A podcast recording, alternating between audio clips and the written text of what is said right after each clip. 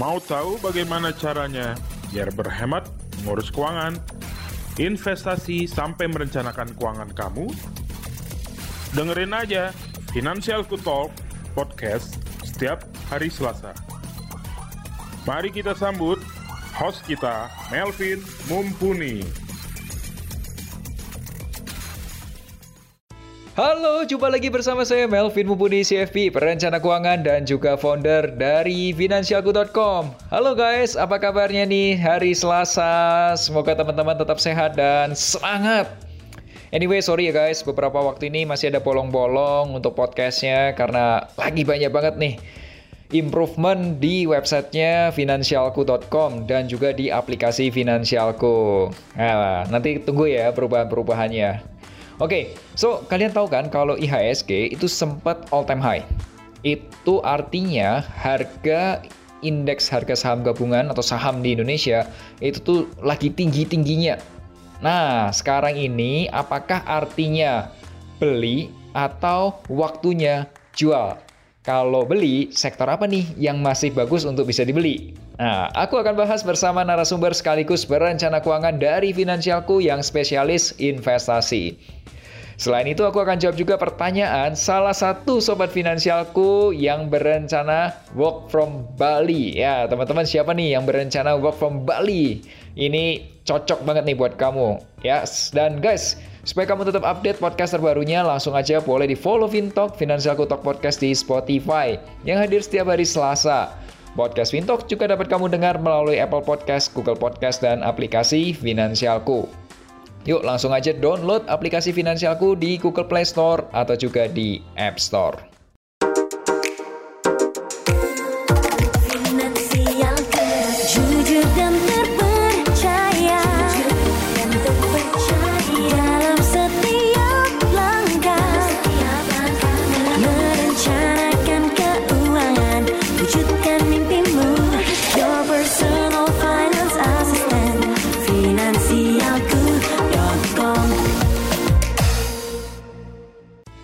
Sebelum bahas lebih detail, Sobat Finansialku juga dapat mengirimkan pertanyaan atau curhat keuangan melalui fitur konsultasi keuangan di aplikasi Finansialku.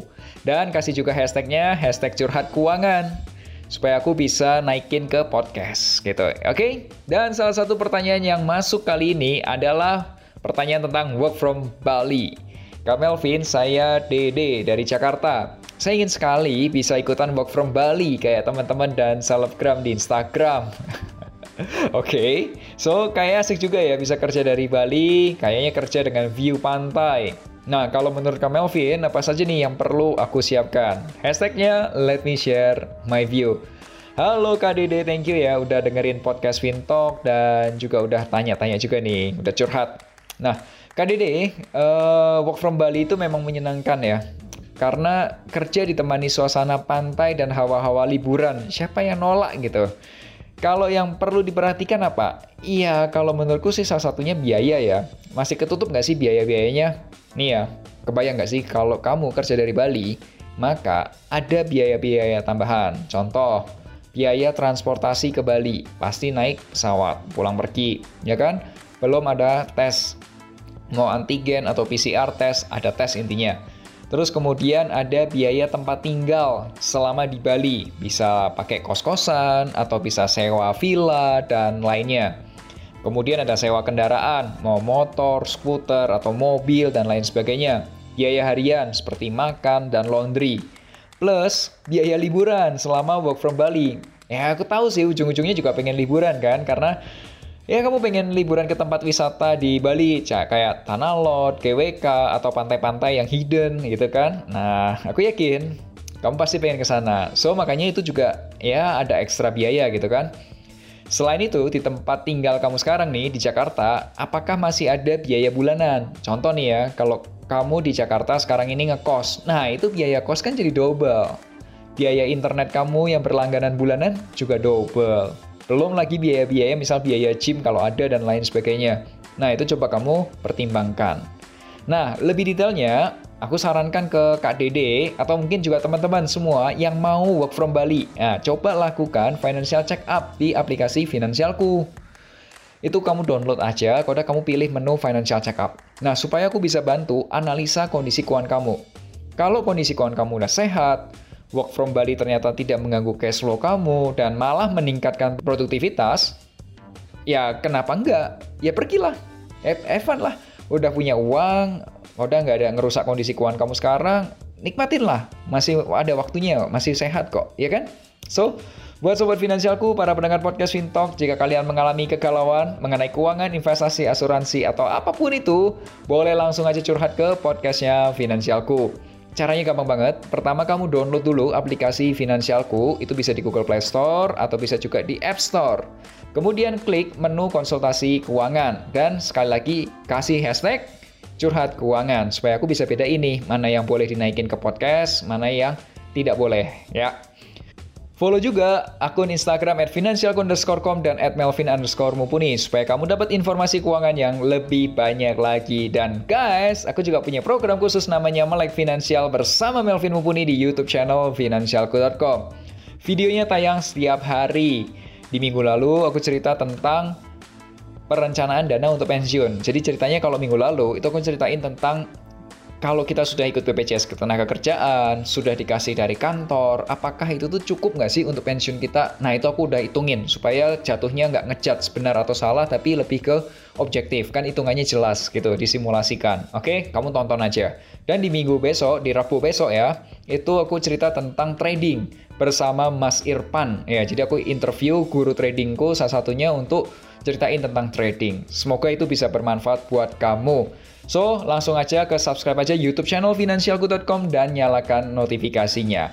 Langsung aja kita bahas diskusi kita hari ini bersama financial planner kita dari finansialku.com, Pak Murah.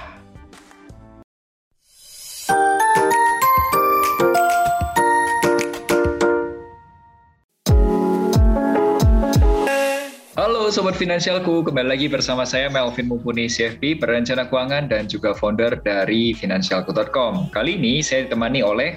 Halo, perkenalkan saya Ngurah Pustaka Warman. Ya, yes, teman-teman, Pak Ngurah ini adalah salah satu financial planner di Finansialku dan beliau ini lebih banyak di Denpasar, Bali, betul ya? Benar, benar Pak Melvin.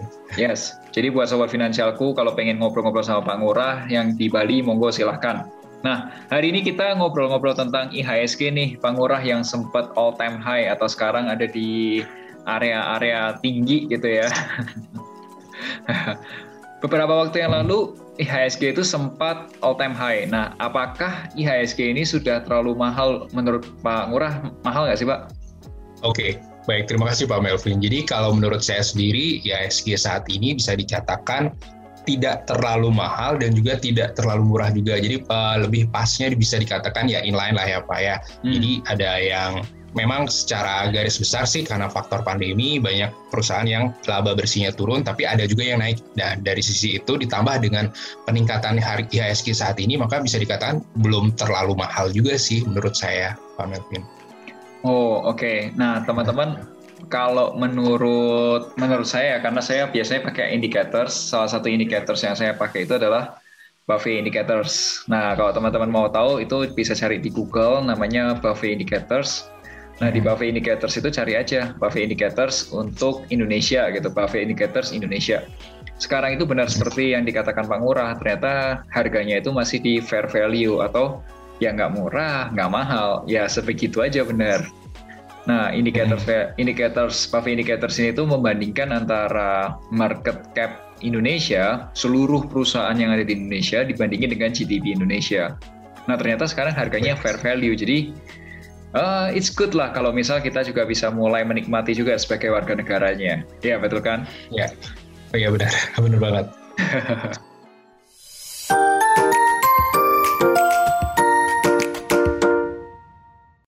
Pak Ngurah, aku sempat baca berita di online news gitu ya.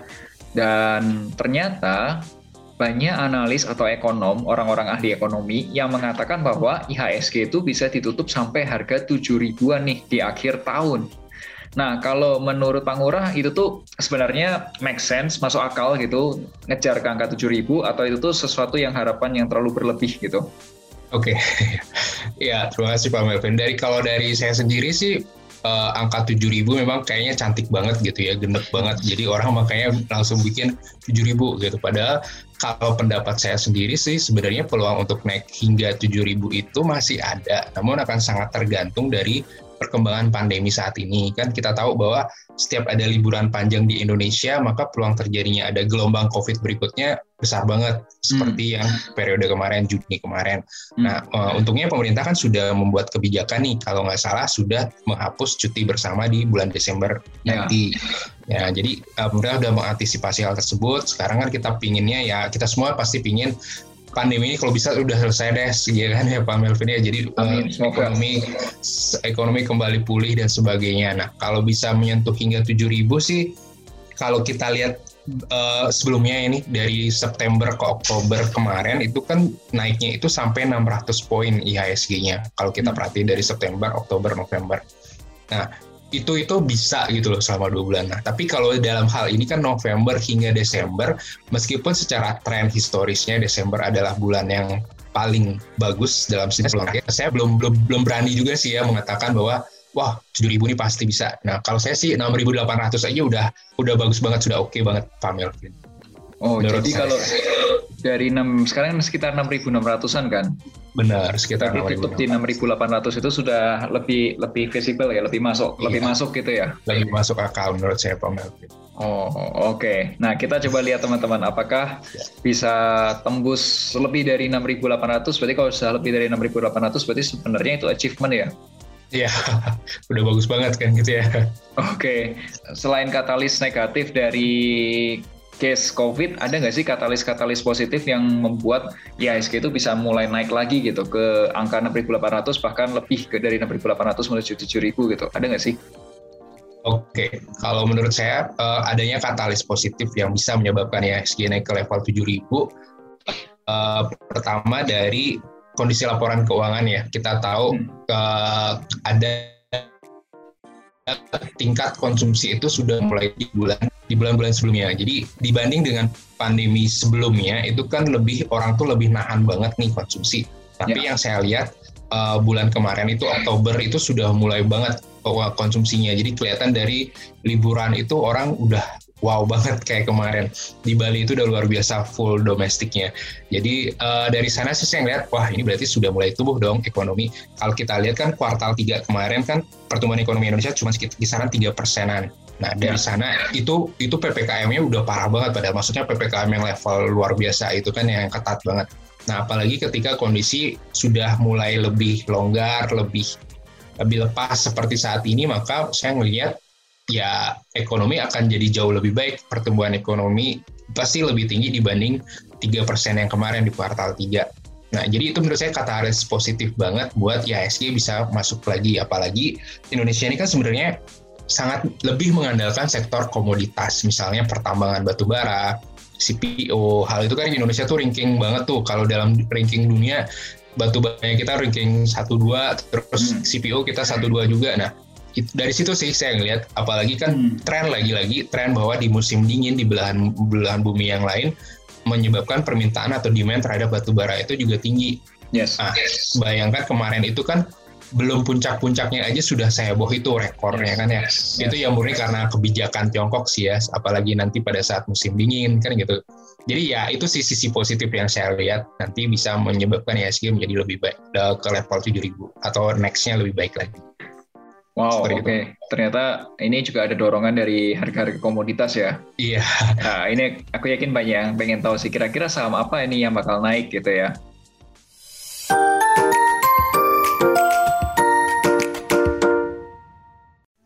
Pak Ngurah, ini kalau misal ya ada orang yang belum pernah berinvestasi saham sama sekali nih, baru banget nih. Nah, apakah dengan harga saham yang sekarang ini atau IHSG dengan kondisi sekarang ini apakah waktunya untuk beli atau time to buy atau tunggu dulu turun atau wait wait and see dulu gitu. Oke, jadi kalau bagi teman-teman yang belum berinvestasi saham, uh, menurut saya akan balik lagi kita itu prefernya apa mana dulu nih, apa mau long term atau mau jadi trader saham yang memanfaatkan momentum. Jadi kalau untuk tipikal investor yang long term maka patokan saya adalah berinvestasi saat ini sudah merupakan hal yang benar. Jadi kalau kata coachnya kan berinvestasi yang baik itu sebenarnya 20 tahun yang lalu. Yang terbaik kedua adalah ya hari ini gitu kan ya. Nah jadi kalau emang mau, mau berinvestasi untuk jangka panjang ya sudah hari ini juga udah udah tergolong bagus. Yang penting sudah memulai dulu. Nah sebaik nah untuk trading sendiri maka kalau teman-teman lebih prefer trading atau trader maka ya itu depend sekali harus belajar dulu knowledge-nya dulu. Jadi jangan terjun terus nggak tahu apa maksudnya atau ini apa, indikator apa, pattern itu apa, pola dan sebagainya. Karena menurut saya meskipun IHSG turun nih hari ini kan per tanggal hari ini itu turun nih.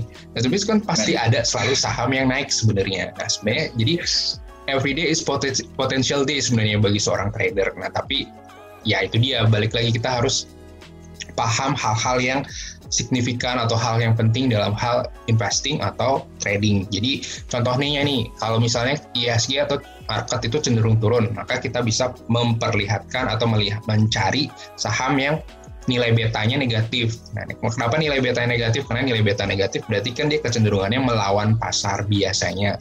Jadi kalau dia nilai betanya negatif, ya udah kalau marketnya lagi turun, kita cari yang nilai saham yang nilai betanya negatif. Nah itu salah satu contohnya saja. Seperti itu sih Pak Melki. I see. Yes, aku setuju dengan uh, Pak Murah ya karena uh, di saat IHSG naik itu tidak berarti 700 uh, eh, perusahaan yang ada di dalamnya itu harganya naik semua. Semua ada yang naik, ada yang enggak. Ya, termasuk ketika kita berinvestasi aku setuju juga nih menurut uh, pendapat Pak Murah juga. Jadi ketika berinvestasi atau kita memutuskan investasi, tenang aja di saat IHSG naik pun masih ada dan banyak malah perusahaan-perusahaan yang nilainya itu lagi didiskon dari harga nilai wajarnya atau nilai intrinsiknya. Jadi perusahaan-perusahaan itu pasti punya nilai wajarnya itu perusahaan ini dihargai berapa sih? Kayak beli rumah lah. Rumah ini di dengan luasan katakanlah 200 meter, kode ada luas tanah 200 meter, ada bangunan kurang lebih 150 meter di wilayah X. Ini harga wajarnya itu berapa sih? Nah, kalau rumah pun ada harga wajarnya normalnya ya perusahaan pun juga punya nilai wajar. Nah, sekarang itu tuh banyak banget atau masih banyak lah ya, masih bilang banyak gitu, perusahaan-perusahaan yang harganya itu masih di, bawah harga wajar. Nah, kalau buat buat saya pribadi, saya sekarang masih belum menambah emiten karena emitennya itu sudah lebih dari enam ya, udah ada sekitar tujuh gitu emiten yang aku punya. Jadi belum nambah lagi, justru lagi berencana untuk taking profit beberapa perusahaan yang sudah di atas 50% nih. Nah, itu sudah mulai di taking profit gitu. Ya, nah kalau yang belum mulai, aku aku aku yakin sih sekarang masih ada kesempatan untuk masuk, untuk pilih-pilih beberapa perusahaan. Tentunya teman-teman perlu belajar dulu, betul kata Pak Murah. Karena kalau nggak belajar, ya kita nggak ngerti mana yang diskon, mana yang harganya wajar, mana yang harganya kemahalan gitu.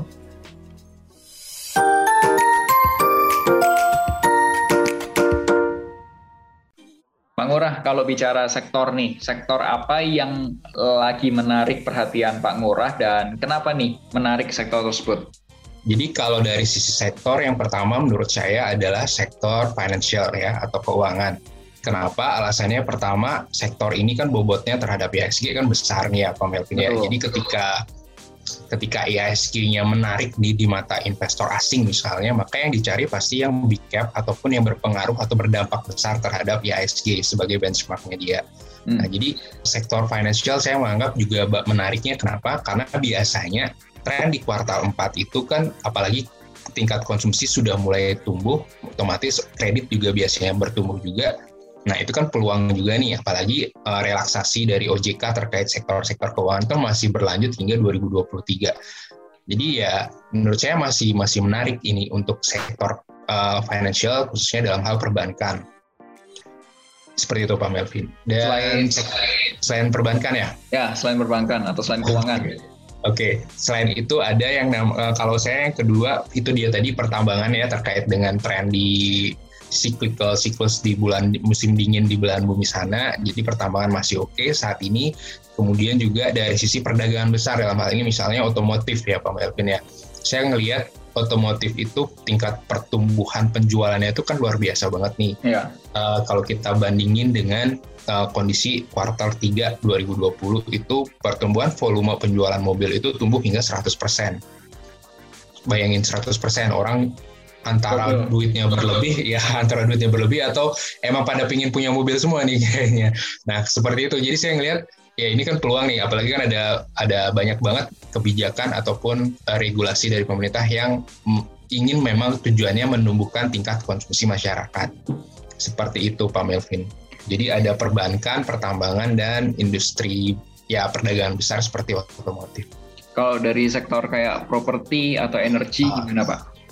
Atau consumer okay. goods dan media gitu? Ya, kalau ya benar. Kalau untuk uh, properti juga saya baca, uh, saya juga mencari data, ternyata emang pertumbuhannya juga luar biasa kemarin karena ada kebijakan DP 0% dan sebagainya.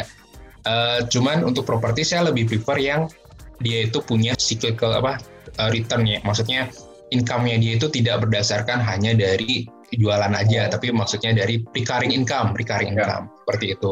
Sedangkan kalau dari consumer goods, saya ngelihat 2022 baru kelihatan mulai ada ininya Pak ya. Karena 2021 ini sepertinya kan consumer good ini sepertinya menjadi anak tiri banget ya mulai ah. dari Unilever di ya begitulah Unilever kemudian ICBP Indofood tidak bergerak-gerak nah yang kayak kayak gitu kan saya ngeliat ya udah 2022 sepertinya ketika orang ya sudah mulai konsumsinya lebih baik lah maksudnya sudah yakin lah untuk melakukan konsumsi sedangkan kalau untuk media sendiri uh, saya lebih prefer ya kalau media sih saya MNCN ya selama saat ini ya.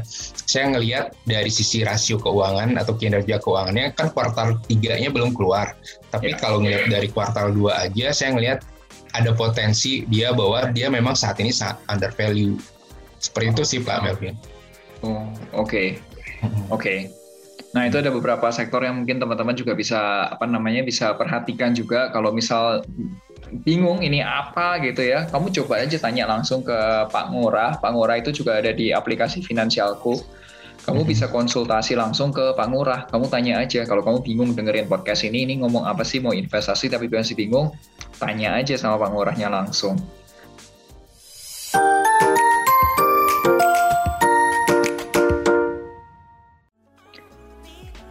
Pak, tadi kita kan bicara buat orang-orang yang belum mulai berinvestasi. Nah, kalau untuk orang-orang yang sudah pegang saham, apakah sekarang waktunya time to sell atau time to sell artinya waktunya kita jual, mulai jual, mulai ambil keuntungan atau uh, time to buy more, beli lagi lebih banyak, koleksi lagi atau tunggu-tunggu dulu siapa tahu di akhir tahun di 2021 ini IHSG-nya muncak nih di 6.800-an atau bahkan bisa tembus ke 7.000. Kalau okay. menurut Pak Ngurah gimana nih Pak? Oke, okay, baik terima kasih Pak Melvin. Jadi kalau menurut saya bagi yang sudah pegang saham, uh, apakah waktunya time to sell itu lagi-lagi akan sangat tergantung bagi teman-teman seperti apa sih termnya, jangka waktunya. Nah, tapi kalau kita lihat historical kan sebenarnya ISG ini kan pernah menyentuh posisi tertingginya itu terakhir di 2018 ya pengertian. Kemudian dia flat dan turun terus kena pandemi di tahun 2020. Nah bedanya yang di 2018 kemarin itu adalah uh, valuasinya. Kalau waktu itu valuasinya memang sudah over value sehingga koreksi terjadi. Nah kalau yang saat ini yang terjadi kan ya itu inline valuasinya IHSG saat ini inline dengan apa yang apa yang sebenarnya sehingga ya kalau dibilang mau naik masih oke, okay, kalau mau turun juga masih oke okay, gitu. Nah, jadi kalau prinsip saya sih misalnya ketika kita berinvestasi, ketika harga suatu saham sudah mencapai target price dari sisi dari sisi fundamentalnya misalnya kita memproyek saya targetin saya mau berinvestasi lima tahun dengan uh, jumlah sekian. Nah, saya saya kemudian proyeksikan lima tahun itu harga wajarnya dari suatu saham ini berapa sih? Nah yang kayak gitu kalau emang dia sudah terlalu over value ya sudah direalis direalisasikan saja. Tapi kalau di uh, teman-teman lebih memilih trading maka trading itu murni target price-nya aja, trading plan-nya aja patokannya seperti itu sih. Hmm kalau buat teman-teman sekarang yang sudah pegang investasi, misal nggak cuma satu doang di saham gitu, tapi ada sebagian uangnya ada di reksadana, sebagian ada di peer-to-peer lending, sebagian ada di saham, atau bahkan ada juga yang sebagian di tempatnya kripto gitu, atau mungkin sebagian di emas digital, itu uh, nge-reviewnya itu gimana sih Pak? Caranya kita ngecekin nih portofolio atau investasi kita tuh sudah benar atau enggak gitu, tuh gimana sih Pak sebenarnya? Oke, okay Uh, jadi perlu untuk mereview portofolio yang kita punya gitu ya Pak Melvin ya. Hmm. Hmm. Jadi kalau dari saya sih biasanya saya cek dulu, misal dari saham saya punya berapa saham, dari sekian saham itu yang mana sudah over value, yang mana under value. Nah, misalnya kita juga punya ada produk reksadana misalnya, kita cek reksadananya seperti apa. Kalau reksadananya ada saham, misal dia uh, lima saham, kita cek satu persatu. Ada itu lending, kita juga cek reksadana jenisnya kan ada empat, kita cek juga. Ya, jadi intinya adalah kita berinvestasi kan mewujudkan tujuan dari keuangan yang kita inginkan nih Hmm. Nah kalau dia masih inline atau masih selaras ya udah uh, oke okay gitu. Tapi kalau memang ada yang sepertinya miss atau perlu dikurangi atau ditambahkan, nah maka ada istilahnya nama rebalancing ya. Jadi kita perlu ubah strategi atau atur strategi. Nah ini memang kadang uh, teman-teman yang masih baru mulai di awal berinvestasi kan bingung nih kadang. Nah hmm. kadang maka perlu banget orang-orang yang memang experience di bidang investasi atau uh, yang memiliki certified untuk lebih membantu teman-teman agar lebih terarah tujuan keuangannya. Seperti itu sih Pak. Bang Urah, kalau seandainya ada orang yang invest, tapi investnya hmm. itu gini, nggak tahu tujuannya buat apa, pokoknya punya uang lebih, aku masukin aja ke produk apa gitu, misal ke reksadana, atau ke P2P lending, atau ke saham, hmm. udah biarkan aja gitu. Kalau hmm. menurut Bapak gimana tuh Pak?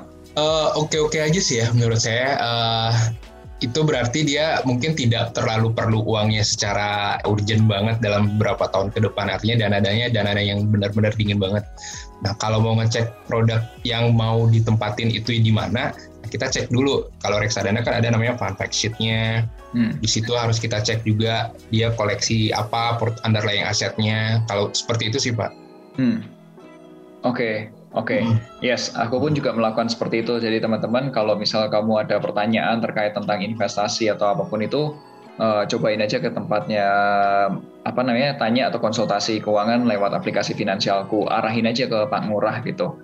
Nah, jadi teman-teman kalau di kita di Finansialku tuh kita juga concern ke portofolio investasi. Kita concern. Kenapa? Karena kan kebanyakan orang itu tuh ketika menyusun uh, investasinya atau membagi uangnya di investasi itu itu nggak pakai strategi. Ibarat kata kayak orang main uh, sepak bola atau main basket main asal main aja happy happy aja. Ya berbeda ya kalau ada orang yang memang beneran beneran serius bermain dengan pakai strategi dan ada juga orang yang happy happy asal keluar keringat itu kan hasilnya beda. Ya oleh sebab itu, kalau misal kamu memang punya tujuan keuangan yang spesifik, contoh kamu pengen punya rumah dua tahun lagi, rumahnya yang harganya katakanlah 800 juta, dan sekarang butuh DP, katakanlah dua tahun lagi atau tiga tahun lagi butuh DP sekitar 200-300 juta. Ya udah, disesuaikan aja, bikin strategi supaya uangnya ke nyampe atau uangnya itu bisa terpenuhi gitu.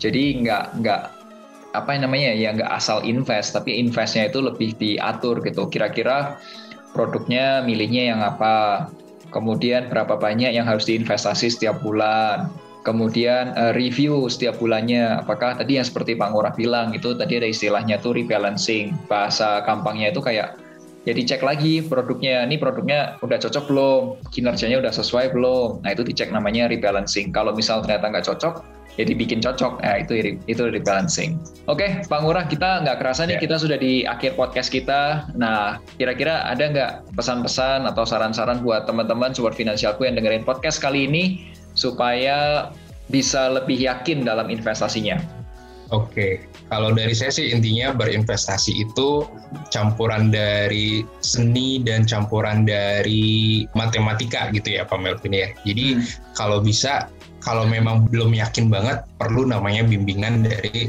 yang memang dan experience dalam sertifikasi. Tapi kalau memang belum belum yakin banget, nah bisa membaca-baca artikel yang ada di Financialku ataupun download apps dari Financial. Seperti itu, Pak. Oke, okay, thank you Pak Ngurah. Thank you juga teman-teman sobat ya. Financialku yang sudah dengerin podcast kali ini langsung aja ke aplikasi finansialku, tanya langsung ke Pak Ngurah, kamu ngobrol-ngobrol, kamu juga boleh review investasimu, siapa tahu investasimu bisa dicekin satu-satu gitu. Oke? Okay? Oke. Okay. Sampai jumpa di podcast Fintalk Finansialku Talk Podcast setiap hari Selasa. Akhir kata, make a plan and get your financial dreams come true.